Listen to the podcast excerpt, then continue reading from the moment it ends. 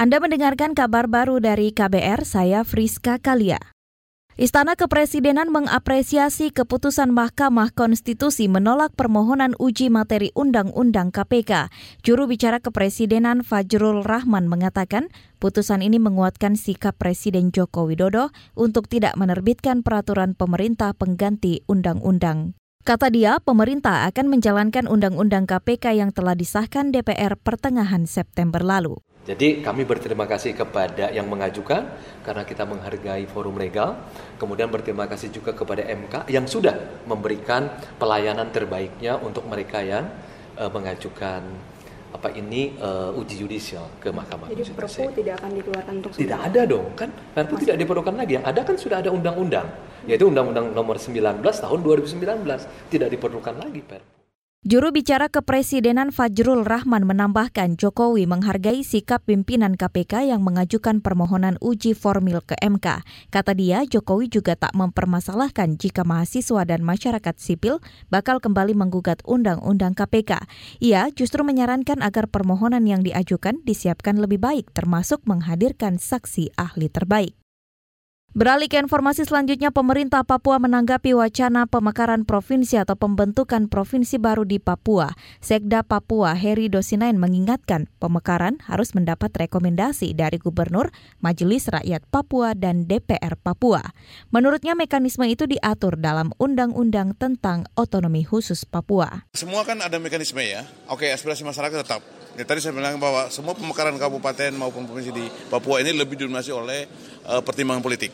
Uh, tapi dalam amanah undang-undang khusus semua nanti ada mekanismenya. Sekda Papua Heri Dosinain menambahkan pembentukan provinsi baru juga mesti memperhatikan kondisi sosial budaya, kesiapan SDM, kemampuan ekonomi dan potensi perkembangan daerah di masa mendatang.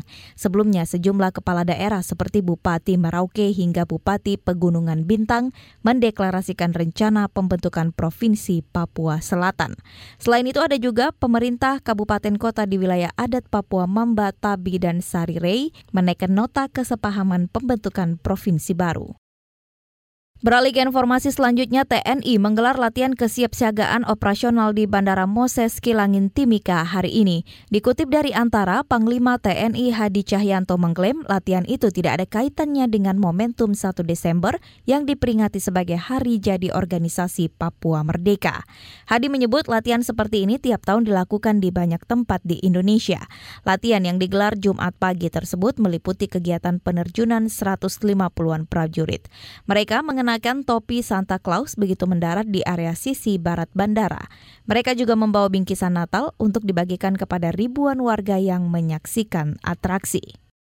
Sementara itu, Menteri Keuangan Sri Mulyani melantik sejumlah pejabat baru meliputi pejabat administrasi, fungsional hingga eselon 2. Saat upacara pelantikan, ia mengingatkan soal tanggung jawab dan amanah sebagai pejabat Kementerian Keuangan. Maka pada hari ini, Jumat tanggal 29 bulan November tahun 2019, saya Menteri Keuangan dengan ini resmi melantik saudara-saudara dalam jabatan baru di lingkungan Kementerian Keuangan. Saya percaya bahwa saudara-saudara akan melaksanakan tugas dengan sebaik-baiknya sesuai dengan tanggung jawab yang diberikan.